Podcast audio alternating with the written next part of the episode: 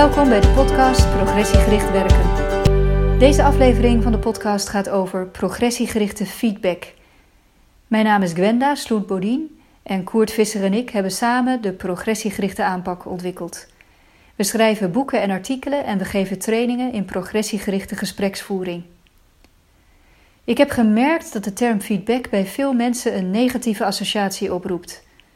Er komen gedachten terug aan die nare kritiek die je lange tijd geleden eens hebt gekregen en die destijds pijn deed, of waar je nog steeds verontwaardigd over kunt worden. Je voelde je onterecht negatief beoordeeld. Je deed natuurlijk je best om open te staan, omdat je immers bereid moet zijn om te leren van feedback. Maar veel van de dingen die de ander als feedback gaf, zeiden in jouw ogen net zoveel, of misschien wel meer, over die feedbackgever zelf als over jou. Feedback kan een eufemisme zijn voor het uiten van negatieve persoonsgerichte oordelen. En degene die de feedback geeft, is het dan kwijt en jij zit met de brokken.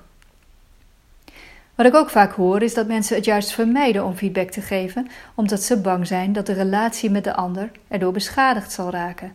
En zo lopen ze met hun kritiek rond en uiten ze die niet, tot het ze te veel wordt. En dan komt alle opgekropte boosheid er in één keer op een ongenuanceerde en harde manier uit. En dit terwijl blijkt dat mensen juist wel degelijk behoefte hebben aan informatie over hoe ze aan het functioneren zijn. Zonder erkenning voor hun werk voelt het werk al snel als nutteloos.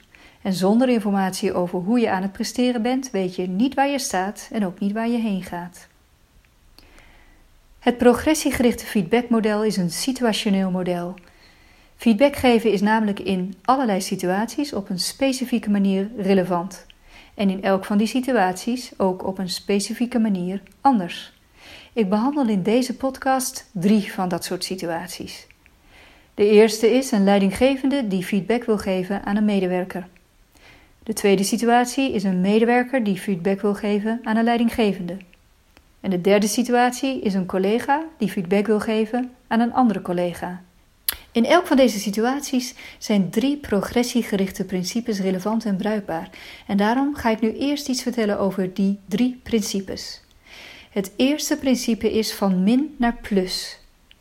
Bij progressiegerichte feedback communiceer je in termen van de plusjes waar je op uit bent, in plaats van in termen van de minnetjes waar je van af wil. En de reden daarvan is dat positief geformuleerde doelen uitnodigen tot een constructieve reactie en tot samenwerking, terwijl negatieve formuleringen een defensieve of offensieve respons oproepen. Het tweede principe is van persoonsgericht naar positief gedrag in een bepaalde situatie. Bij progressiegerichte feedback gaat het niet over persoonlijkheidskenmerken, of die nou negatief of positief zijn. In plaats daarvan gaat het over positief gewenst gedrag in een bepaalde specifieke situatie. De reden hiervan is dat een focus op gedrag en gewenst gedrag in een bepaalde situatie een groeimindset oproept bij jezelf en de ander. Terwijl een focus op positieve of negatieve persoonskenmerken juist een statische mindset oproept. Het derde principe is van stellend naar vragend. Progressiegericht communiceren maakt gebruik van positieve, uitnodigende en doelgerichte vragen. Vragen werken namelijk activerend en vragen in de goede richting leiden tot gedrag in de goede richting en gedachten in de goede richting. Stellingen roept een oordelende reactie op bij de ander. De ander moet denken: ben ik het hiermee eens of mee oneens? Deze drie principes zijn dus in elk van de situaties die ik nu ga behandelen onverkort van toepassing. De eerste situatie is een leidinggevende die feedback wil geven aan een medewerker. De term die ik hier het best vind passen is sturen. Leidinggevenden hebben namelijk de rol om te sturen op progressieverwachtingen die ze hebben van medewerkers. Wanneer een medewerker iets doet dat niet de bedoeling is, of iets niet doet dat wel de bedoeling is, hebben leidinggevenden vanuit hun functie het mandaat om te gaan sturen. Als een progressiegerichte leidinggevende van mening is dat een medewerker iets niet goed doet, dan formuleert die leidinggevende zijn progressieverwachting in positieve, concrete gedrags- of resultaatstermen. Oftewel, welke plusjes worden er van de medewerker verwacht? In de podcast over progressiegericht sturen ga ik hier verder op in. Leidinggevenden doen er daarnaast goed aan om vaak gebruik te maken van bereikte progressiefeedback. En dat betekent dat de leidinggevende in het gesprek een schijnwerper zet op de betekenisvolle progressie die de medewerker al heeft bereikt En daarbij verkent de leidinggevende samen met de medewerker wat die laatste heeft gedaan dat goed werkt, wat hij nu beter doet dan eerder en wat het voordeel ervan is.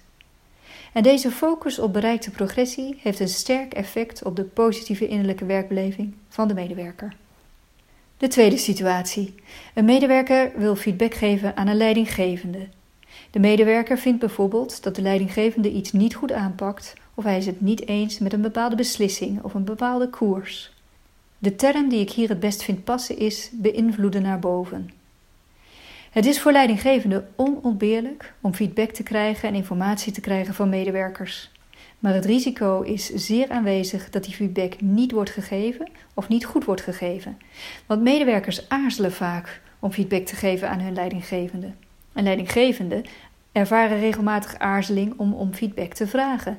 Ze hebben dan bijvoorbeeld de perceptie dat dat niet past bij hun positie. Medewerkers die wel feedback geven ten aanzien van problemen die ze ervaren, blijken ook regelmatig bagatelliserende formuleringen te gebruiken, waardoor de urgentie van het probleem niet dreigt te worden begrepen. Op het moment dat een medewerker het niet eens is met een koers van een leidinggevende of een besluit van een leidinggevende of een aanpak van de leidinggevende, dan kan hij een progressiegericht tegenvoorstel doen. Dat kan via drie stappen. De eerste stap is dat de medewerker bedenkt: wat waardeer ik in het idee van de leidinggevende? Of wat waardeer ik in de aanpak van de leidinggevende? Wat spreekt me aan in hoe de leidinggevende het nu doet? En welke positieve doelen denk ik dat de leidinggevende beoogt? Stap 2 is dat de medewerker zichzelf afvraagt: welke verbetering vind ik noodzakelijk in de koers van de leidinggevende of in de aanpak van de leidinggevende? Welke verbeteringen vind ik belangrijk? Wat maakt die verbeteringen zo belangrijk? En hoe helpen die verbeteringen bij het bereiken van positieve doelen voor de organisatie? En stap 3 is: wat is mijn progressiegerichte tegenvoorstel? De medewerker formuleert zijn tegenvoorstel in termen van positieve doelen en resultaten. Wat levert zijn tegenvoorstel op? Hoe draagt zijn voorstel bij aan het bereiken van positieve doelen? Als de medewerker vervolgens met zijn progressiegerichte tegenvoorstel in gesprek gaat met de leidinggevende, geeft hij de leidinggevende de kans om te reageren op positieve, concrete verbetervoorstellen, in plaats van dat de leidinggevende moet reageren op negatieve kritiek en klachten. Een tweede manier waarop een medewerker kan beïnvloeden naar boven is via een progressiegericht onderzoek van het wat en het waartoe.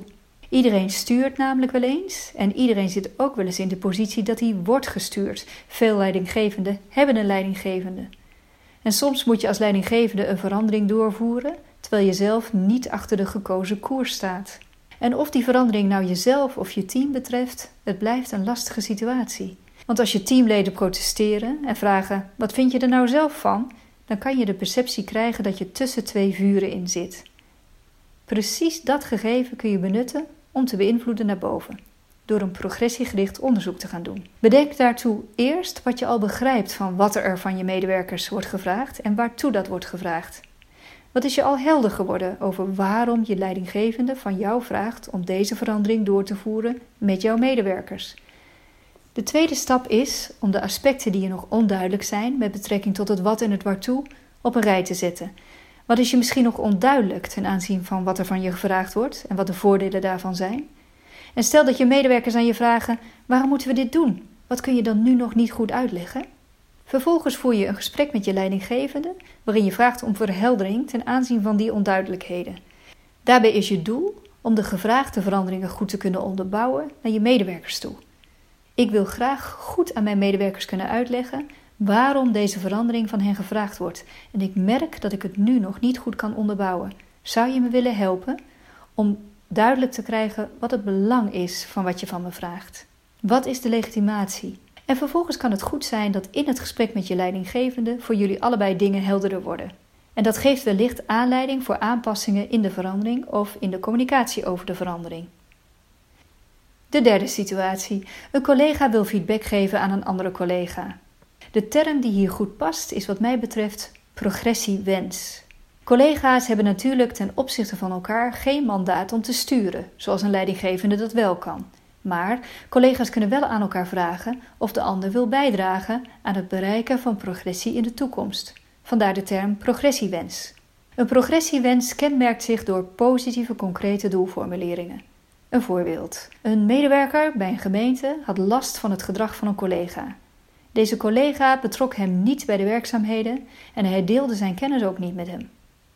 De persoon bereidde een gesprekje met de collega voor en hij begon ermee om voor zichzelf voor de vuist weg te formuleren waar hij last van had. En die formulering klonk zo: Ik wil niet dat jij al het werk voor jezelf houdt, waardoor ik geen zicht heb op wat er allemaal gaande is en ik dus niet verder kan leren. Ik voel me buitengesloten en overbodig. Vervolgens klaag je ook nog dat je het zo druk hebt, maar je schermt wel al je werk af en ik kom er niet meer aan te pas. Dat wil ik zo niet langer. Vervolgens boog deze medewerker zijn negatieve formuleringen en klachten om in een progressiewens. En dat klonk zo. Ik wil graag toegroeien naar een manier van samenwerken waarbij wij het werk evenredig verdelen en allebei overzicht hebben over wat er op ons gezamenlijke bordje ligt. Het voordeel daarvan is dat we de werklast allebei goed aankunnen. Ik leer van jou en verder kom in mijn werk. En wij samen het werk van elkaar goed kunnen overnemen wanneer het nodig is. Hoe klinkt dat wat jou betreft?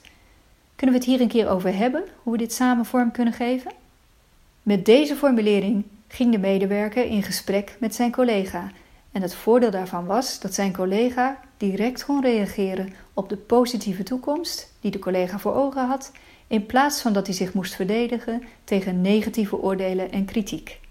Of feedback leidt tot progressie in de praktijk, hangt in sterke mate af van wat de feedbackontvanger doet naar aanleiding van de feedback. En dat is een thema voor een volgende podcast. Meer leren kan in onze trainingen en meer lezen kan in onze boeken. Kijk maar op www.cpw.nu.